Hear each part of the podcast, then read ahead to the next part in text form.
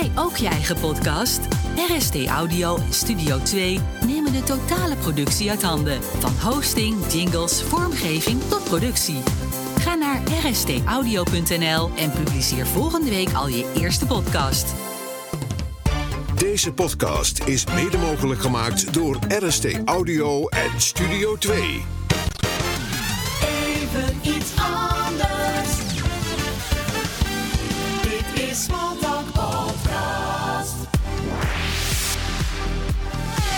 Heb jij een vraag voor Smalltalk? Mail naar podcast@smalltalkradio.nl. In de auto, bus of trein, Smalltalk de podcast. Even iets anders. Geen geklets, maar gesprek. Proef de sfeer, telkens weer. Welkom bij een nieuwe editie van Smalltalk. Smalltalk.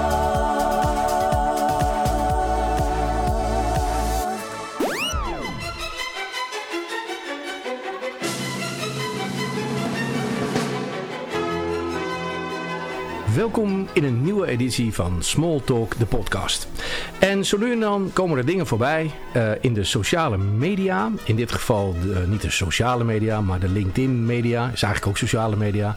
En daar kwam ik tegen Karsten Gilhuis. Goedemiddag. Goedemiddag. Welkom in de studio. Dankjewel. Ja, eh, bijzonder. Want eh, je hebt wel een bijzonder verhaal, vond ik eigenlijk. Het sportgevoel. Ja, ik ben het eh, sportgevoel van de week begonnen dit Ja. jaar. Maar ik wil Eh, eens even weten wie Karsten ja. is. Zeker. Eh, ik ben eh, Karsten Gilhuis. Ik ben nu 47 jaar. Ik ben eh, een eh, jongetje geweest die eh, heel erg met sport bezig geweest is. En dat op een gegeven moment eh, uit het oog verloren is toen hij een eh, maatschappelijke carrière begon. En eh, kort geleden heb ik eh, besloten om toch ook weer terug naar dat jongetje te gaan. Omdat dat gevoel er nog steeds zit. En eh, dingen te delen die mij opvallen in de sport. En ik eh, ben dat begonnen met het sportgevoel van de week. Eh, en dat is Maar eigenlijk... hoe ben je een beetje in die... Wat heb je vroeger gedaan Ja. aan sport? Het is wel belangrijk om een beetje te weten wat voor achtergrond je hebt. Nee, maar dat is zeker goed. Ik ben eh, eerst een voetballertje geweest. Die tot zijn verbazing op zijn zesde hoorde dat er zoiets prachtigs was als competities die voor kinderen die georganiseerd werden. En teams met shirts. En eh, ik heb daar eh, heel, met heel veel plezier eh, ben ik daar diep in gedoken. Ehm, ik wist er vaak meer van dan dat ik de beste van het team was. Ik won wel heel veel, want ik zat in de jeugd toevallig bij Roy Mackay in het team. Dus wij werden telkens kampioen. Totdat hij weggegaan is naar Vitesse al op achtjarige leeftijd of zo. Ik ben, later ben ik ook veel gaan tennissen. Dat had ik eigenlijk thuis al heel veel gedaan. Doordat ik eindeloos Wimbledon won tegen het schuurtje met een plastic racket en een foamballetje.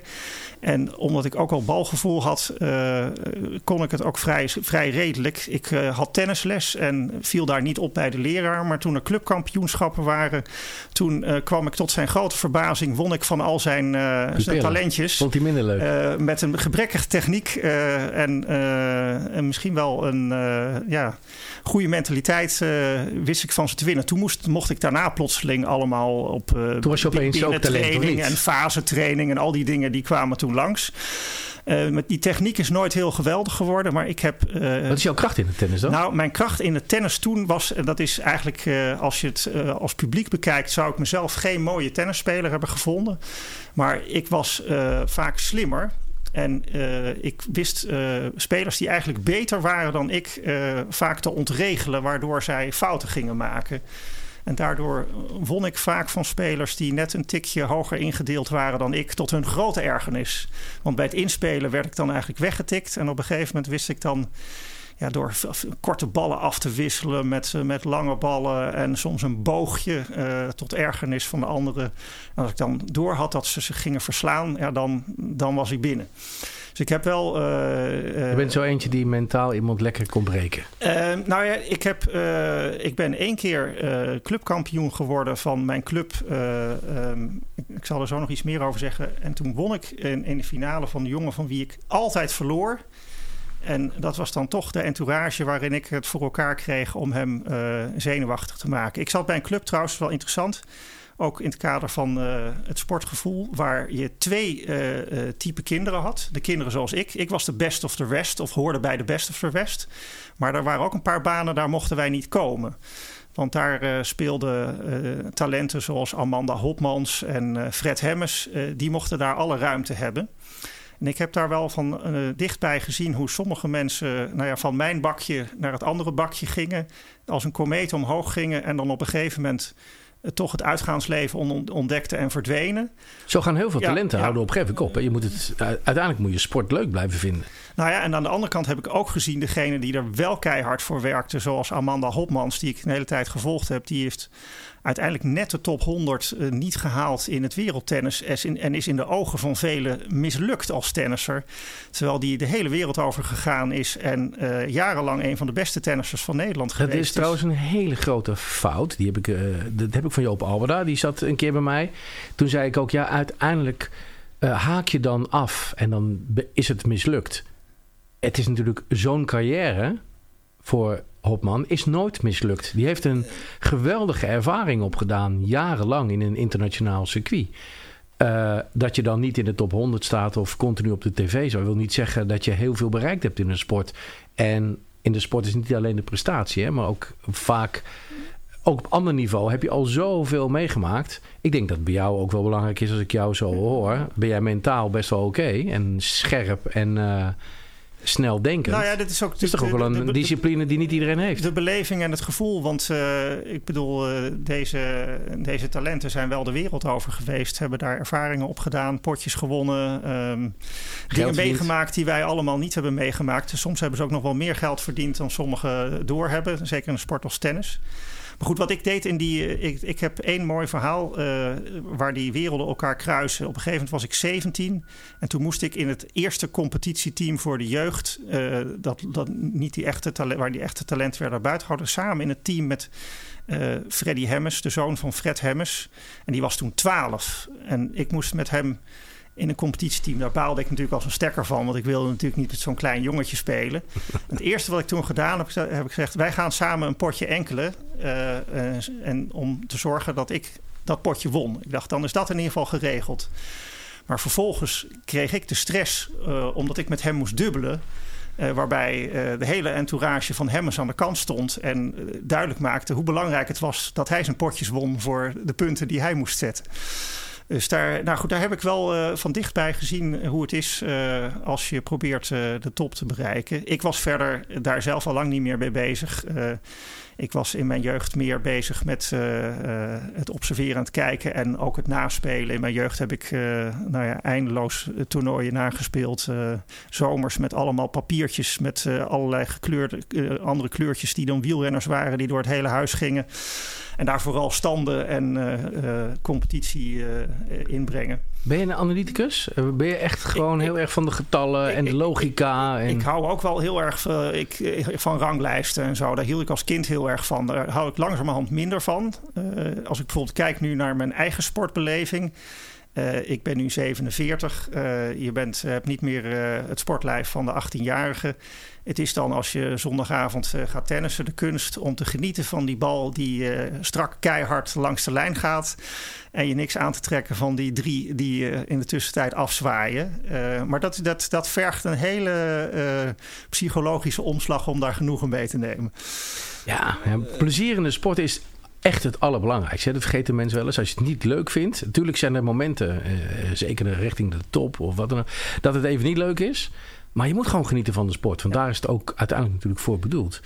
Um, uiteindelijk uiteindelijk uh, maak je dan de beste prestaties, denk ik. Ja. Daarom vind ik het ook uh, een van de meest fascinerende dingen. Het uh, boek van Andrew Agassi. Waar hij de wereld doet geloven alsof hij zijn hele leven tennis gehaat heeft. En, en toch zou hij de beste tennisser van de wereld zijn geworden. Hij, hij is het. Hij, ja, ja, hij, is, het ook geweest in de tijdje. Ja. Um, van huis uit ben jij uh, geen. Uh, je, je, bent niet professioneel bezig in de sport. Nee, nee ik, ben Daar, ik ben daar zelf uh, niet uh, goed genoeg in geweest. Daar heb ik mijn beperkingen ook uh, in gekend. En ja, ik ben op een gegeven moment die sport een beetje uit het oog verloren. Want ik was eigenlijk gemaakt om naar de school voor de journalistiek te gaan. Want ik maakte altijd al in mijn jeugd plakboeken, kranten, hele Olympische Spelen. Elke dag keek ik en daar werden artikelen over geschreven die verder niemand zag, behalve ik. Maar op een gegeven moment heb ik me toch een beetje laten verleiden door de drang van je moet iets doen waar je maatschappelijk iets in toevoegt. En is sport wel belangrijk genoeg? Uh, dat heeft denk ik ook wel met de, nou ja, de, de achtergronden van mijn familie met veel dominees en onderwijzers te maken. En ik ben dat toen een beetje uit het oog verloren. In studententijd is het ook makkelijker om het zelfsporten weer op een lager pitje te zetten. En op een gegeven moment nou ja, beland je in andere dingen. Alleen het, het gevoel van uh, euforie dat je kunt hebben uh, als je sport, sportmomenten meemaakt uh, of ziet, is, is wel ongekend. En dat is iets, als ik terugkijk in mijn leven, zijn toch heel veel belevingen in de sport, grote momenten in mijn leven geweest, omdat daar een soort vrij en energiek gevoel in vrijkomt, zelfs als passief uh, bewonderaar. Uh, waar ik dacht, ja, dat, daar, wil ik de, daar ben ik nu toch op teruggegeven. Ik dacht, dat is gewoon iets wat ook bij mij hoort. Ik wil daar ook meer over delen. Uh, ik heb al ook vaak enorm veel plezier als ik iemand in, ergens tegenkom die ik niet ken, waarmee je enorm veel gedeelde ervaring kunt delen. Ook uh, als je de, de, wereld rondgaat, uh, is sport altijd een enorme verbinder. Uh, je kunt elkaar niet verstaan, maar je kunt een balletje trappen. Of je weet allebei dat je uit je bed bent gekropen om Ben Johnson van Carl Lewis te zien winnen. Ja. dat is echt, en, en zo is kunst op, voor andere mensen weer een verbinder. maar voor mij is sport dat heel erg. ja. ja. Uh, je bent uiteindelijk in, de, uh, in, in het recht terechtgekomen. Uh, ben je advocaat geworden? Of, uh... Ja, ik ben ook, uh, ook advocaat geweest. En ik heb daar de leukste tijd eigenlijk meegemaakt toen ik advocaat van journalisten was. Dus dat zegt ook al wat. Um, en nou, inmiddels werk ik in de rechtspraak. Um, maar goed, dat is een heel ander pad. Ja, maar ik ben een beetje benieuwd ja. hoe, hoe je vanuit je uh, kijk, de meeste mensen die ik hier spreek, uh, zijn niet alleen maar sporters, uh, hebben een bepaald talent. Ehm, ik denk, jij hebt ook een bepaald talent. en dat is nou ja, niet de rechtspraak. Ja, dat zal vast een talent van je nou, zijn. Ik heb je natuurlijk uh, uitgenodigd ja. omdat je met die sport bezig bent. Ik, ik ben ma maatschappelijk op meerdere fronten ben ik, uh, ben ik bezig. Maar, uh, en heb daar ook toewijding voor. Maar we zitten hier inderdaad voor het sportgevoel. Ik, ah, ik, en jouw talent voor het schrijven. Dat vind ik eigenlijk belangrijk. Want, want, want, dat is iets wat ik... tenminste, juristen schrijven ook. Maar dat zijn nou vaak niet de, de meeste mooi schrijvers. mensen zullen als ze een contract zien niet vaak denken... nou, wat is dat prachtig geschreven. En natuurlijk die ook duidelijk te schrijven. Maar uh, nou, ik, ik hou zelf van, uh, van schrijven. En heb ook daarom een paar jaar geleden uh, dat naar buiten gebracht. Dat deed ik vaak voor mezelf. En hield dat in, of in kleine kring. Ik heb wel eens een keer een boek voor 25 mensen uitgebracht in een familiesfeer. En vaak stukjes voor mezelf. of die ik aan één iemand deelde. En nu heb ik een nou ja, uiteindelijk toch de, op een gegeven moment is ook een leeftijd die je bereikt dat je denkt, ja, je kunt dat wel voor jezelf houden en uh, onder een lamp houden. Maar ja, misschien doe je jezelf wel tekort door dat te doen. En misschien ook wel anderen. Want ik heb een roman geschreven. En, uh, hoe heet die roman? Die heet De Overtreding. Oh, de Overtreding? De Overtreding, ja. Is gewoon te koop, neem ik aan? Die is zeker te koop. Bol.com? Ja, bol.com kun je hem krijgen. Je kunt hem ook bij mijn uitgever Elixir bestellen. Um, en waar gaat die over? Nou, dat is een, uh, dat is een roman die speelt zich af tegen in de achtergrond van de wereld van justitie. Ik heb die achtergrond gekozen omdat het, ik het ook als een vingeroefening zag. Ik dacht, dat is iets wat ik makkelijk kan neerzetten zonder veel research. En het gaat eigenlijk over uh, mensen die uh, op verschillende manieren zichzelf niet kunnen zijn en zichzelf tekort doen. Uh, door zich ofwel te beperken of dingen in te vullen. Maar het gaat er ook over wat mensen die zich tekort gedaan voelen door anderen, uh, waartoe die kunnen komen. Uh, en nou goed, dat is uiteindelijk in deze roman ook uh, een, een, ernstig strafbaar feit. En daar, ah, ja, het is een crime, hè? Het, is, nou, het is niet echt. Het, het is niet een who done it, maar misschien meer een why done it. En het is ook een roman ja, over mensen en hoe die met elkaar miscommuniceren, dingen verkeerd voor elkaar invullen. En uh, soms niet tot elkaar of bij elkaar komen, terwijl dat best had gekund. wanneer kwam bij jou dat opborrel dat je dacht: ik moet gewoon een boek schrijven? Ik, dat heb ik in mijn hoofd. Hè. We hadden het er even over. Ik wil heel graag nog een keer uh, een boek schrijven over uh, talentontwikkeling. Dat is, dat is een beetje mijn passie in de sport. Uh, maar ik denk, ja, hoe begin je eraan? Hè? Mijn, ik ben dyslectisch, dus de mensen die mij een beetje volgen, die, denken, nee, die, die schrikken er niet meer van als ik een woord omdraai of wat dan ook. Maar ergens heb jij bedacht, ik ga schrijven. Hè? De passie had je als kind al. Kleine stukjes verzamelen en dingen. Maar ergens dacht je, oké, ik ga een boek schrijven. Ik vind een klein stukje schrijven en een boek nogal een grote, een grote uitdaging ten opzichte van een klein stukje. Nou, de, de uitdaging is natuurlijk ook een, een hele roman. Want dat voelt als een berg voor hoe dik is dat ding? begonnen bent. Hij is uiteindelijk 350 bladzijden geworden. Ehm, maar ja, ik heb op een gegeven moment in een zomer had ik eh, de kiem of het idee. En toen dacht ik, ja, dit is wel het moment om het eindelijk een keer te gaan doen. Want ik was al vaker begonnen en toen had ik niet doorgezet. En nu heb ik heel structureel wel doorgezet. Door eigenlijk elke zondagochtend om half acht eh, eh, een hoofdstukje te schrijven. En wat ik merkte, en dat is ook de reden dat ik er mee door ben gegaan en nu ook verder met schrijven doorga, is dat ik elke keer als ik begon dan eh, eh, en, na een uurtje klaar was met schrijven of na twee uur klaar, want eh, ik heb niet de spanningsboog dat ik acht uur lang kan schrijven op een dag. Maar dan voelde ik me altijd enorm veel beter dan daarvoor. Ik genoot van het schrijven zelf. En eh, het kwam ook vanzelf. En, en, eh, nou ja, dan, dan is plotseling 350 pagina's zo bereikt. En dat Ik is nu, zo knap. En dat is nu hetzelfde eigenlijk met die, eh, die korte stukjes die ik nu, die sport, kleine sportblogjes die ik nu schrijf. Nou, dat zijn ook dingetjes die ploppen op in mijn hoofd op basis van iets wat ik zie of meemaak. En die vloeien er heel makkelijk uit. Dus als het dan gaat over wat is jouw talent, ik denk dat dit wel een talent is dat dat mij makkelijk vergaat. Ja, En, en ik heb er plezier aan. En, eh, ik denk dat, je- en dat jij snel absorbeert. Eh, ja, ik kan daar op een of andere manier heel snel een beeld in een woord omzetten. Eh, en ja, ook de goede cadans of het goede ritme vinden, waardoor het een stukje vindt dat lekker leest en ook eindigt met iets wat teruggrijpt op wat al eerder eh, langsgekomen is. Het Ja. moet een soort ringcompositie zijn, eh, vaak. Ja. Heb, heb je, kijk je veel sport? Hè? Hoe, hoe, hoe word jij gevoed een beetje met het sportgevoel? Je, je schrijft kleine blogs nu. Eh, ergens moet jij getriggerd worden. Hè? Nu, nu een stukje over Kamminga die zilver heeft gehaald. Eh, je, hebt over, eh, je hebt over wat onderwerpen gehaald. Ehm, maar maar waar, waar voed jij je? Zit je? Ben je alleen maar aan het zeppen? Eh, Nee, ik ben niet alleen maar het zeppen. Eh, het, is, eh, nou, het, is, het begint ermee met ja, waar ik in het weekend of in de avonturen eh, n- naartoe ga als, ik, als, ik, als ik sport op televisie kijk. Maar soms zoek ik ook dingen actief op. Sommige dingen vind ik leuker dan andere.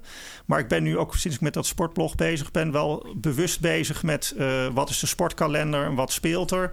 En waar zitten potentiële verhalen in? Eh, eh, want nou ja, soms ontwikkelen zich dingen eh, onverwacht. Ik bedoel, niemand had verwacht dat Tim van Rijthoven Rosmalen zou winnen. Dus daar kun je niet van tevoren bedenken dat daar een verhaal in zit. Dus zo overkomen dingen je ook. Maar ik zoek ook soms dingen op door naar dingen toe te gaan. Ik ben er laatst nog naar de open dag in Papendal gegaan of naar de FPK Games. Soms zit ik in een voetbalstadion of zie ik weer wat anders. Binnenkort is het eh, WK volleybal in Nederland. Nou, dan zijn die dingen bereikbaarder eh, dan dat je daar de wereld eh, voor moet afreizen. Ja, want, want hoe loop jij op zo'n toernooi? Loop je daar rond en snuf je en luister je of interview je ook? Nou, ik loop daar wel anders rond dan anderen. Ik wil daar het liefst alleen heen. want dat geeft mij de ruimte om rond te lopen en ook verschillende perspectieven te zien. En eh, dan weer eens eh, ergens dichtbij te staan. En eh, dan weer eens helemaal naar de andere kant te lopen. En eh, nou ja, te horen ook wat er allemaal in de omgeving gebeurt. Maar je, je interviewt niemand. Dus je gaat niet met mensen praten om, om achtergronden te kennen of feiten. dat het is, het jouw visie op het Dit- verhaal. dit is mijn, het gaat om, om mijn gevoel. Ik koppel mijn gevoel aan iets wat collectief is. Eh, want iedereen die ziet bepaalde dingen. ehm, maar sport heeft ook, eh, eh, brengt een gevoel over. Dat is volgens mij de reden waarom wij allemaal kijken. Want het, dat is ook wat ik beschrijf bij zo'n Tim van Rijthoven. Ik ken die jongen helemaal niet. Ik had misschien vaag van hem gehoord. En ik word in zo'n toernooi gezogen. En dan op een gegeven moment is het zaterdagmiddag. En dan speelt hij tegen een hele sympathieke tegenstander die ik heel leuk vind. En dan merk ik dat ik zelf opspring van mijn bank. Als hij een setpoint krijgt. Dat zijn hele rare. het is euforie, hè? Het is, sport is ook een gevoel. Nou, Zeker ook als supporter. Het, het, is een gevoel en het geeft jezelf een heel goed gevoel. Maar als je dan met helikoptertje gaat kijken, dan denk je: ja, wat gebeurt hier? Dit is eigenlijk heel, heel bijzonder. Dat probeer ik dan in zo'n verhaaltje vast te leggen. Dat ik het fantastisch vind voor die jongen. Maar dat ik ondertussen denk, ja, ik juich voor je, maar uh, misschien vind ik je helemaal niet aardig. Uh, misschien, ja, is dat wel belangrijk? Want is, uiteindelijk is het gevoel. Nee, dat is ook helemaal niet belangrijk. Uh, want, maar het is, nou ja, als je dan toch van afstandje gaat kijken, heeft het iets, iets wonderlijks. Maar um, ja, zo heb ik ook de, de meest euforische momenten wel in mijn leven door sport meegemaakt buiten ervaringen in de liefde. dat zal ik er meteen bij zeggen.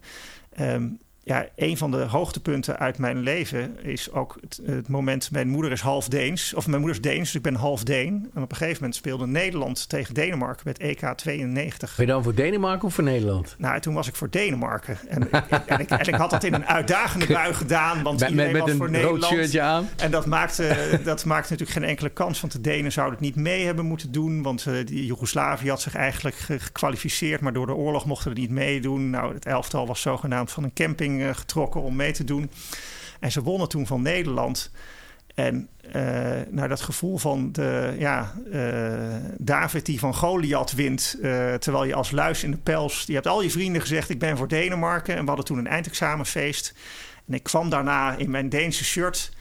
En ja, eerst was er wat gemor en uiteindelijk wonnen ze drie dagen later van, van Duitsland. En toen ging ik op de schouders. Dus ja, ja. ja dat, het zijn en heb je daar uh, iets van eh, mee te maken? Uh, aan de ene kant niet, maar we maken het ook als een deel van onze identiteit. En ik had het deze zomer ook nog weer toen Denemarken het onverwacht goed deed na de collapse van Eriksen op het EK. Nou ja, dat ik dan toch iets hoger opspring op de bank dan bij iets wat ik verwacht had. Ja, ja, ik, ik denk, je verwoordt het ook gewoon heel mooi. Het sportgevoel is ook wel, ja, wat gewoon heel belangrijk is. We, vergeten het allemaal. Hè? Als Nederland straks in het WK het goed gaat doen, dan hebben we ook allemaal weer het gevoel. En iedereen koopt oranje dingen. En ook dat is allemaal beleving. Uh, Max Verstappen, ja. Zandvoort. Het, het, is allemaal beleving. Dan, is, dan zijn we één grote natie. En dat vergeten we als met z'n allen. Dat, dat, uh, dat is de sport ook. En dat is eigenlijk soms al heel klein. Want dat heb je al op een club. Daar is al iemand die clubkampioen wordt. En al die kinderen die strijden om clubkampioen te worden. Of de volwassenen. De, de masters. De, het maakt niet uit naar wat voor wedstrijd je gaat. Uiteindelijk heerst er een gevoel. En is er een team. En uh, is iedereen blij. En creëert dan een soort sportgevoel. Daarom vond ik jouw titel ook zo mooi. Het sportgevoel. Ja. Nou, ik ben ook heel blij met die titel. En het klopt ook dat het, ja, het van gro ja, gro groot en klein is. Want het is echt de, het, het, moment dat je, dat je zelf, terwijl je dacht dat je het niet meer kon, toch nog die mooie bal slaat. Uh, op latere leeftijd. Maar het is ook uh, een fotootje die ik uh, vorige week van mijn neefje kreeg met zijn team die kampioen waren geworden. En ze staan erbij inderdaad alsof ze Olympisch goud hebben gewonnen. Ja. Maar zo voelt het ook gewoon als je. ik weet het uit eigen ervaring. Uh, ook al had ik het aan misschien aan Roy Mackay te danken. Maar je bent zeven, je wordt kampioen, je krijgt een beker. Ja, het is het einde van de wereld. Ja, hoe blij kun je zijn? Als of, je... of zelfs met een vaantje ja. uh, kun je heel trots zijn. Winnen is altijd euforie. Dat is natuurlijk het leukste wat er is. En verliezen ja. is soms een uh, heel nagevoel. Um, als je, uh, wat voor verhalen heb je allemaal al geschreven? Kun je een beetje voorbeelden geven? Nou, het, het, het, wisselt van dingen. Ik probeer altijd een, een positieve insteek te zien bij iets wat ik, wat ik opmerk. Maar ook iets waar... kijk, vaak zijn het dingen die mensen wel gezien hebben... waar ik dan net iets, iets, iets zelf inbreng. Uh, net zoals zo'n Tim van Rijthoven, dan breng ik mezelf erin uh, hoe ik daar vermengd raak met zijn, zijn succes. Um, maar ik heb ook een stukje geschreven over ja, Tom Dumoulin, die het moeilijk had. Uh, die ik dan eigenlijk gun dat hij dus hetzelfde proces mee kan maken. Ja, hij heeft nu uiteindelijk iets anders gekozen. Dat hij er genoegen mee kan nemen. Dat hij uh, uh, als een knecht een teamgenoot laat winnen. En dat dat ook nog, nog steeds mooi is. En niet meer terug naar die roze trui. Um, soms zit er ook Uh, ik heb ook een stukje geschreven over een, uh, een schaatster die uh, nou, niet een van de op de voorgrond stond, Isabel van Els, die omdat eigenlijk niemand aan een bepaald toernooi mee wilde doen, een kans kreeg om daar in de estafetteploeg te zitten of in de, in de teams, teamsprintploeg. En op het laatste moment, doordat er een van de toppers zei: hey, waarom mag ik eigenlijk niet meedoen? Hup, aan de kant geschoven werd. En daar uh, ja, haar kans miste om misschien één keer in haar leven een gouden medaille te winnen.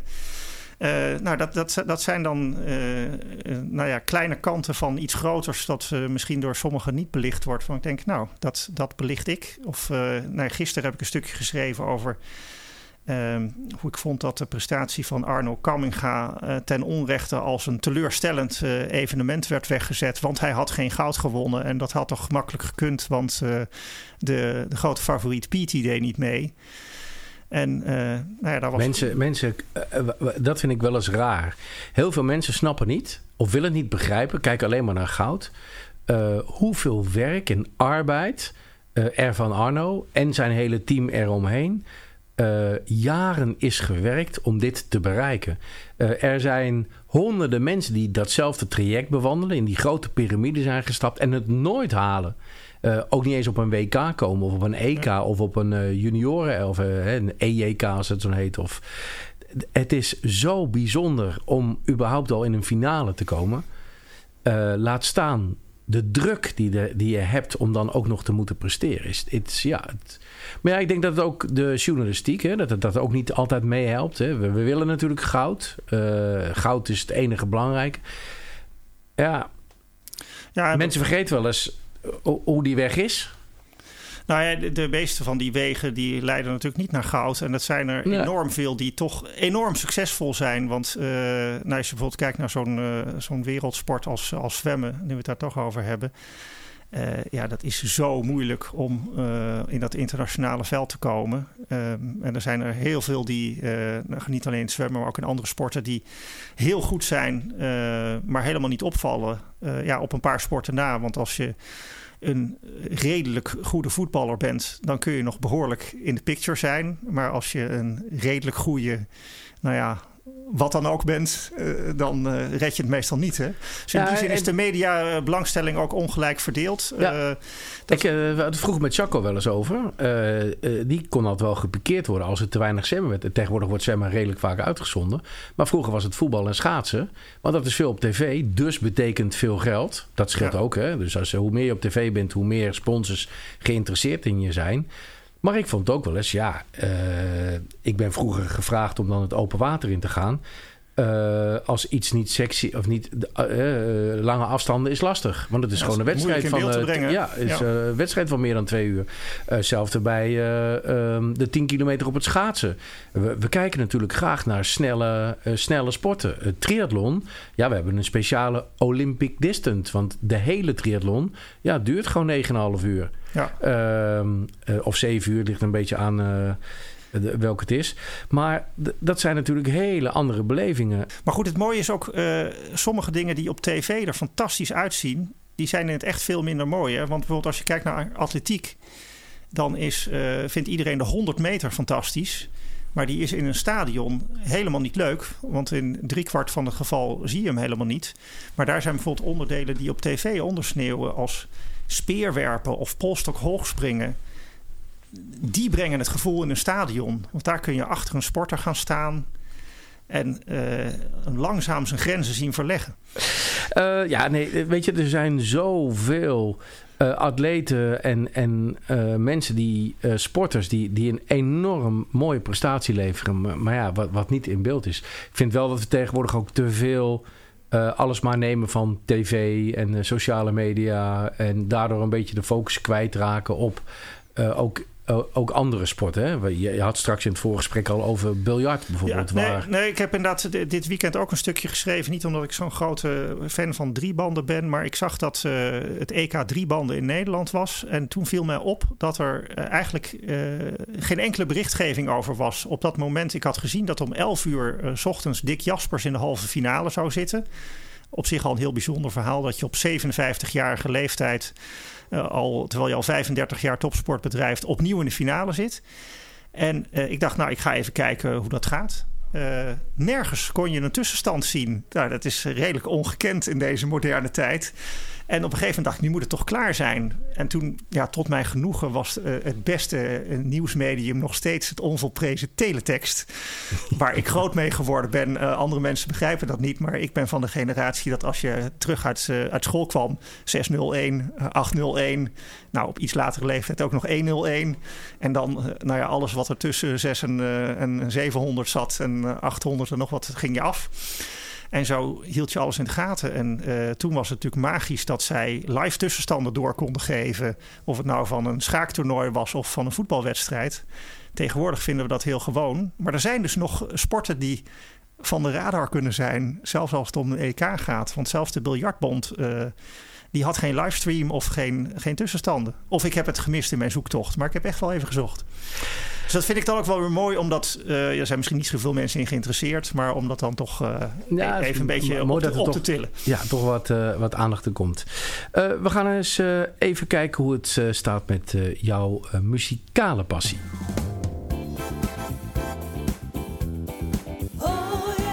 De plaat en zijn verhaal. Platen en verhalen, muziek en verhalen, ze horen bij elkaar. Wij brengen de leukste, mooiste, droevigste, grappigste en interessantste verhalen bij de muziekkeuze van onze gast aan tafel. De plaat en zijn verhaal. In de studio um, Karsten Gilhuis. En um, jij bent de schrijver van. Uh, uh, of in ieder geval de maker van het sportgevoel.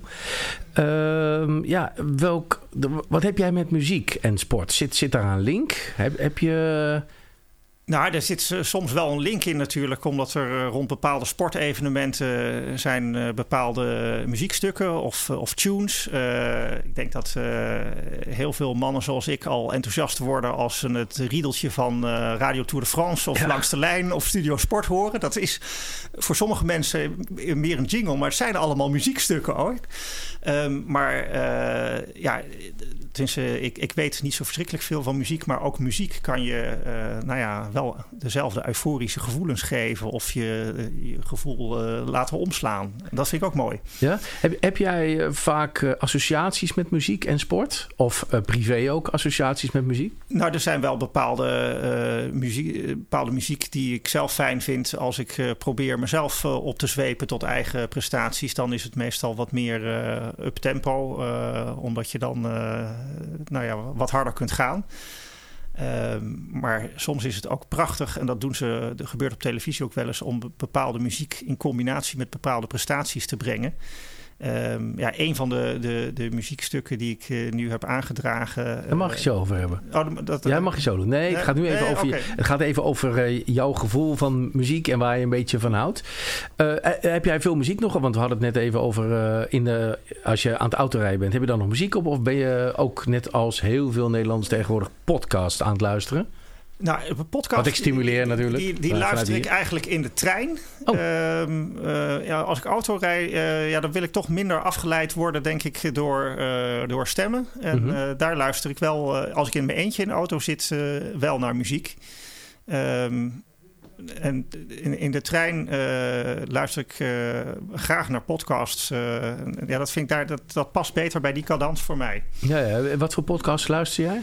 nou, dat zijn he hele verschillende podcasts. Ik probeer wat podcasts te luisteren waarbij ik mijn Deense taal bijhoud. Maar ik luister ook verschillende sportpodcasts. Um, maar ook uh, de interviews van uh, Uxan Akjol, uh, ja. die die s'nachts houdt. Um, dus dat, uh, dat wisselt. Um, en uh, uh, Smalltalk de radio. Smalltalk de podcast. Smalltalk de podcast natuurlijk. ja, sorry. We gaan even naar huis naar jouw plaatje. Het is tijd voor het leukste liedje. Zet me lekker hard. Poprock of ouwe ouwe. Speciaal voor jou. Kom maar op met je verhaaltje. Klaar. Even tijd voor wat anders. Smolten voor jou. De blad en het verhaal. Het eerste plaatje wat ik uh, op jouw lijstje heb gezet, ik heb zo even een beetje de volgorde bepaald, Ja. uh, is Beyoncé. I Was Here. En waarom? Ja, nou, ik heb uh, een, een, tijdje in uh, Amerika uh, gestudeerd. En wat je daar ziet is een hele andere mentaliteit dan in Nederland. Dat is een beetje de mentaliteit die ook in dit lied van Beyoncé zit. Die zegt gewoon, hier ben ik, ik sta er, ik ben er om iets toe te voegen aan de wereld. En daar ga ik voor. En ik schaam me niet voor. Ik ben hier om de wereld beter te maken en dat ga ik doen vat ik even kort samen. Amerikanen die kunnen dat. Die, uh, uh, of, ik, had een, een, een, heel mooi moment. Er moest een klassenvertegenwoordiger worden aangewezen in de klas. In Nederland duikt iedereen onder de tafel, want dat wil je niet doen. Want dan moet je een boek onder je hand hebben. Je moet met de leraar praten. Dat willen mensen niet. Daar waren er echt acht mensen die dat wilden worden. Maar ze wilden het niet alleen worden, maar ze gingen zich ook presenteren aan de klas. Uh, met een, uh, een, toespraak waarom ze gekozen moesten worden. En daar legden ze zulke grote woorden en grote verhalen in. Uh, ik vind dat wel heel mooi. En je ziet dat ook wel bij Amerikaanse topsporters. Die, die zijn natuurlijk in, hebben, hebben grotere getalen en bereiken ook meer. Maar het zijn ook mensen die zeggen: Ja, hoezo heb ik hier gewonnen? Het is 8 januari. Ik had een afspraak gemaakt op 8 januari. En hier ben ik. Natuurlijk ben ik er. En uh, ja, wij als Nederlanders houden niet zo van boven het maaiveld steken. Maar ik ben wel in het leven meer onder de indruk geraakt. En ook gaan denken, wij zouden wat meer fake it till you make it uh, moeten hebben. Zoals de Amerikanen hebben. En uh, gewoon laten zien. En daar niet bang voor zijn. en niet denken, oh, daar kom ik weer met mijn grote mond. Nee, we zijn hier allemaal om een bijdrage te leveren. En we kunnen allemaal wat. En dat moeten we ook gewoon doen. En niet met de rem erop. Dat vind, ik ook, dat vind ik mooi aan dit lied van Beyoncé. Die staat daar ook in een uh, videoclip uh, op een uh, in de Verenigde Naties. alsof ze daar de belangrijkste in de zaal is. En zo is die hele film, die videoclip ook gemaakt. zonder gêne. Maar goed, Beyoncé die is natuurlijk ook heel groot geworden. I wanna leave my footprints on the sands of Know there was something that meant something that I left behind. When I leave this world, I'll leave no regrets. Leave something to remember so they won't forget I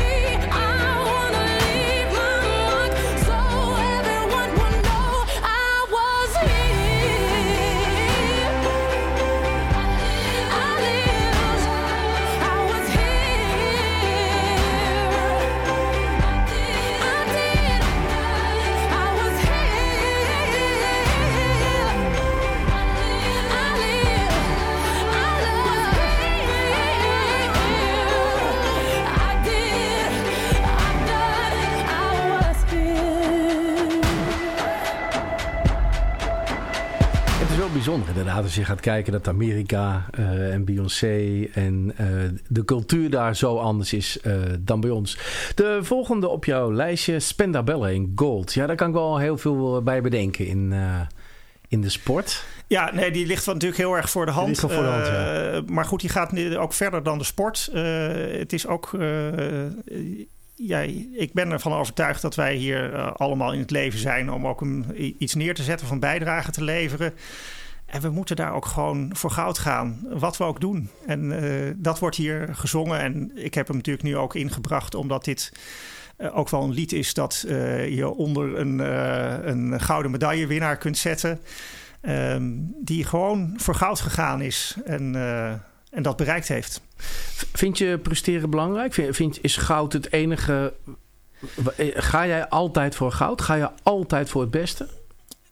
Nou, misschien niet altijd voor goud, maar uh, ik wil wel uh, het gevoel hebben dat ik er veel uit heb gehaald. Uh, ik doe, vind het moeilijk om dingen half te doen.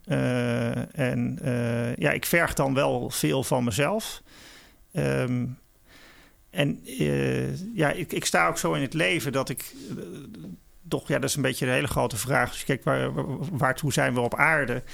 Um, ja, ik denk toch ook dat we op aarde zijn om iets, uh, nou ja, de aarde een klein beetje mooier te maken. Een klein groot goudvonkje achter te laten. Al is het maar door een paar mooie ontmoetingen of dat je iemand een keer aan het lachen hebt gebracht. Dus goud hoeft in die zin niet een, een prestatie te zijn die iedereen van een afstand ziet. Um, maar het is wel een mooi beeld van uh, goud toch als de, nou ja, de opperkleur die, die je na, moet streven, na kunt streven. Thank you for coming. Sorry that the chairs are all warm. I left them here, I could have sworn. These are my salad days, slowly being eaten away. Just another play for today. Oh, but I'm Wil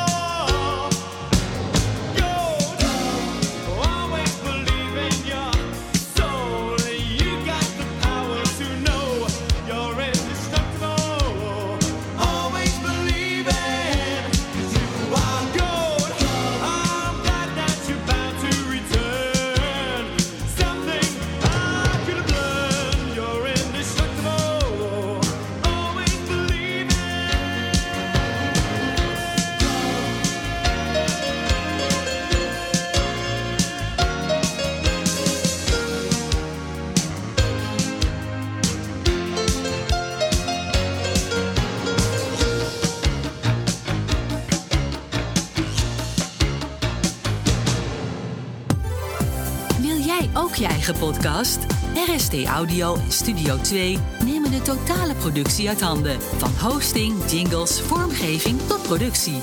Ga naar rstaudio.nl en publiceer volgende week al je eerste podcast. Zo, en dan nu even tijd voor een kopje thee. Ah, lekker. Even bijkomen. Mijn oren staan te klapperen. We gaan zo weer verder.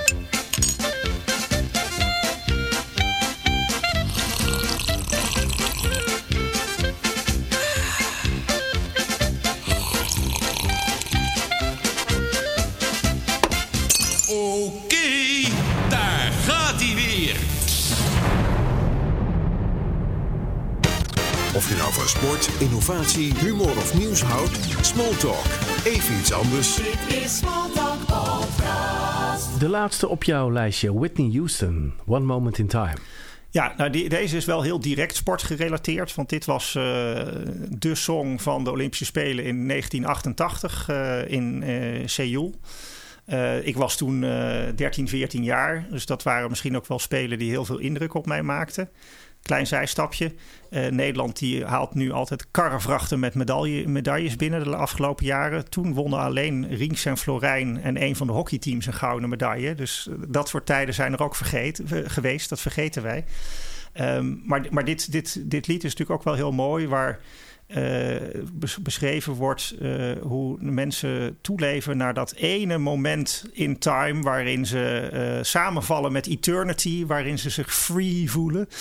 Eh, en dat is natuurlijk wel iets heel bijzonders wat sportmensen doen die vier jaar lang hun best doen om daar die ultieme zeven seconden neer te zetten of daar die ultieme worp eh, en daar alles voor laten. Ehm, en, en, en ondertussen eh, denken buitenstaanders misschien... goh, alleen dat alles daarvoor. Ja, maar dat was wel voor dat ene moment dat als eternity voelde... of waar ik me helemaal vrij voor voelde. En ik denk dat je...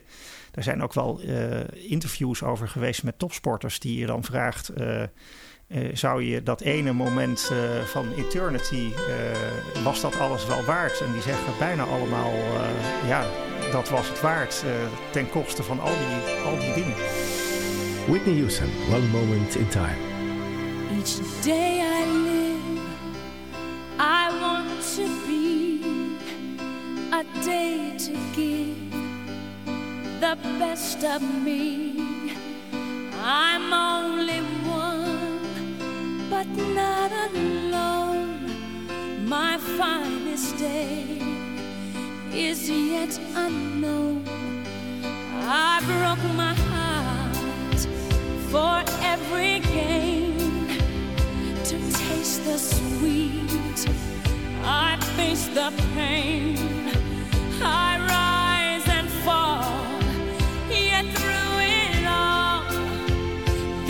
much remains.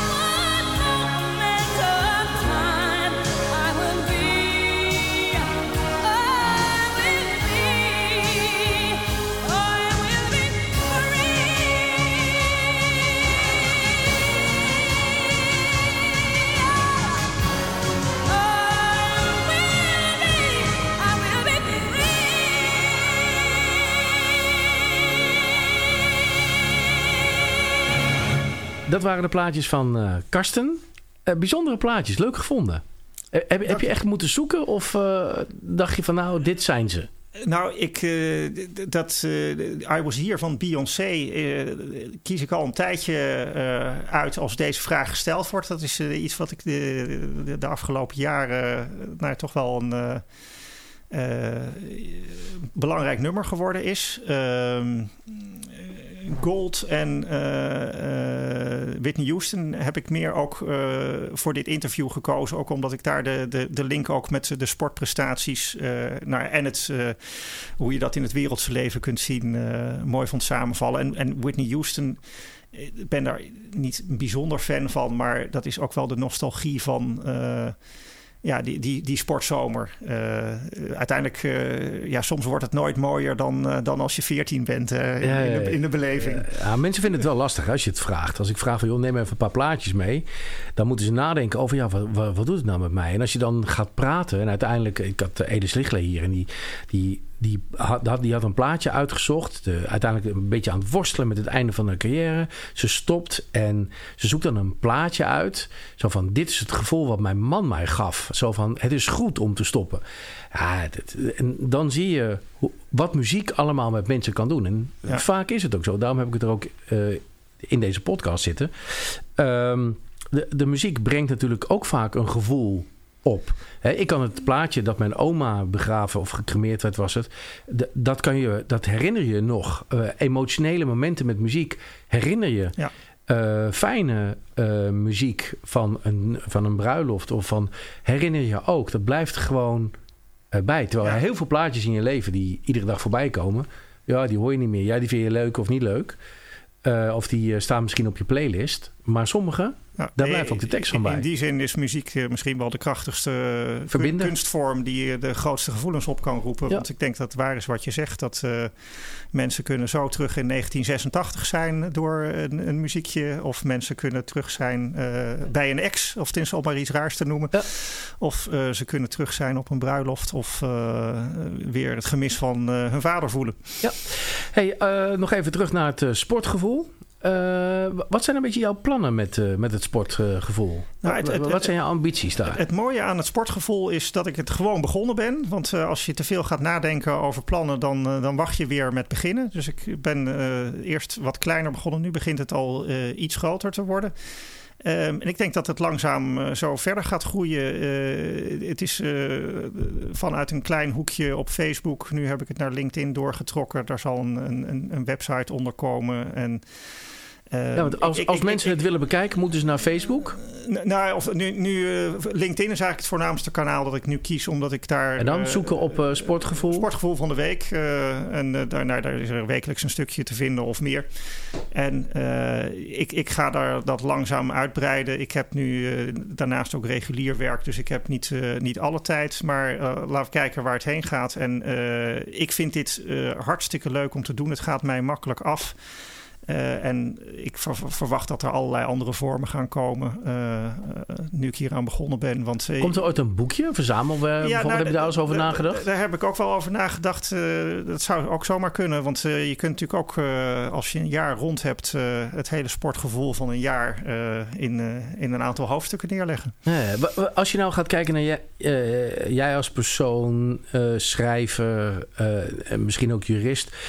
Eh, maar even jouw eigen, jouw persoonlijkheid zelf. Wat zijn nou de, jouw hele sterke eigenschappen waardoor jij dit soort dingen kunt doen? Wat, waarom is jouw talent dit en ben je daar goed in?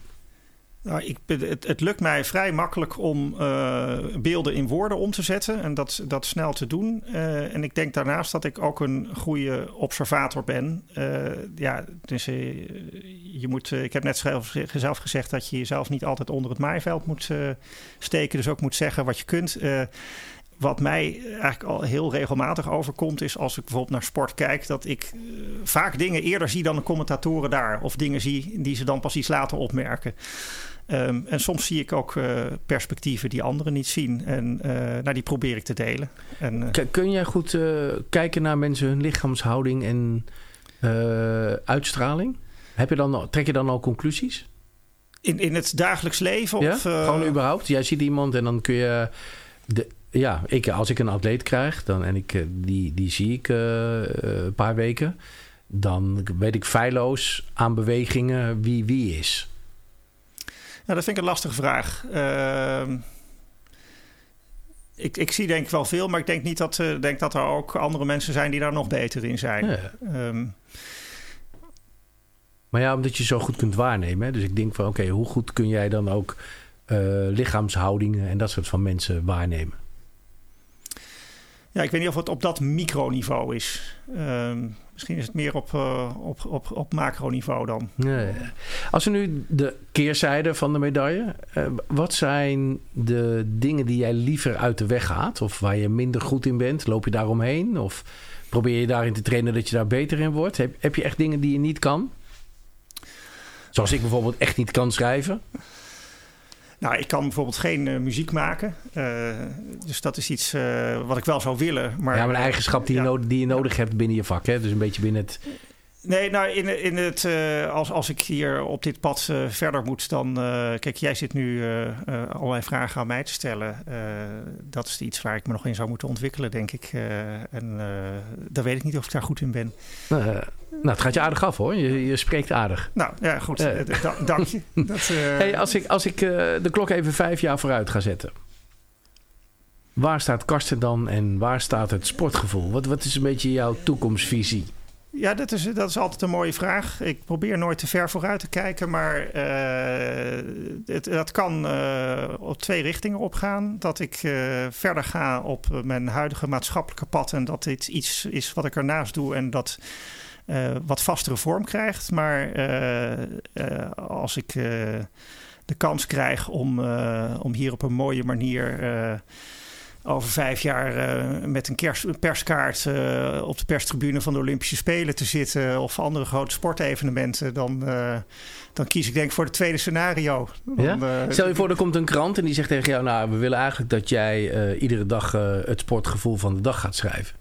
Is dat iets wat je ambieert? Of wordt het dan gedwongen? Kijk, ik vind dit leuk, podcasts maken. Ik doe het met mensen die ik leuk vind om te spreken. Maar zodra eh, ik dit eh, professioneel zou moeten doen bijvoorbeeld... en mensen gaan tegen mij zeggen... ja, nee, maar die mag jij niet spreken. Nee, die ook niet. En die moet je wel spreken. En de, nou ja, weet je, dan ga ik het niet meer leuk vinden. Nou, je, benoemt wel iets goeds. Het, het, het leuke is natuurlijk dat ik nu zelf regisseer. eh, Ja, of ik het één keer in de week zelf. doe of drie keer in de week doe. En of het een lang of een kort stukje is en waar het over gaat. Dat heeft natuurlijk een charme. Ehm, aan de andere kant eh, denk ik ook dat ik het heel leuk zou vinden om, eh, en ik weet niet of het dan elke dag zou moeten zijn, maar eh, om ja, sportsblogs in, nou ja, in een krant of waar dan ook eh, neer te zetten. Ik zie vaak dat daar allerlei mensen dingen doen. En daar ben ik nu wel zover dat ik denk, nou, dat kan soms ook best wel eens beter of anders. En dat, zou, dat zou kunnen, durf ik te zeggen. Ik hoop nog veel van je te lezen. Het was leuk dat je er was. Nou, het was fijner om er te zijn en eh, ik hoop je te kunnen bedienen. Dankjewel.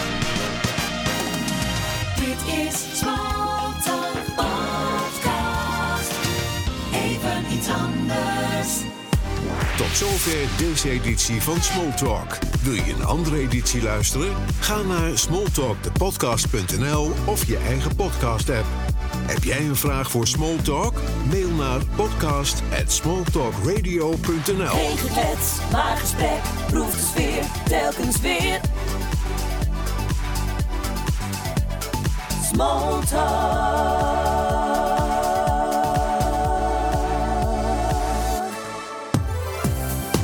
ook je eigen podcast?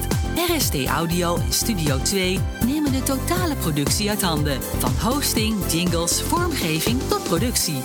Ga naar rstaudio.nl en publiceer volgende week al je eerste podcast.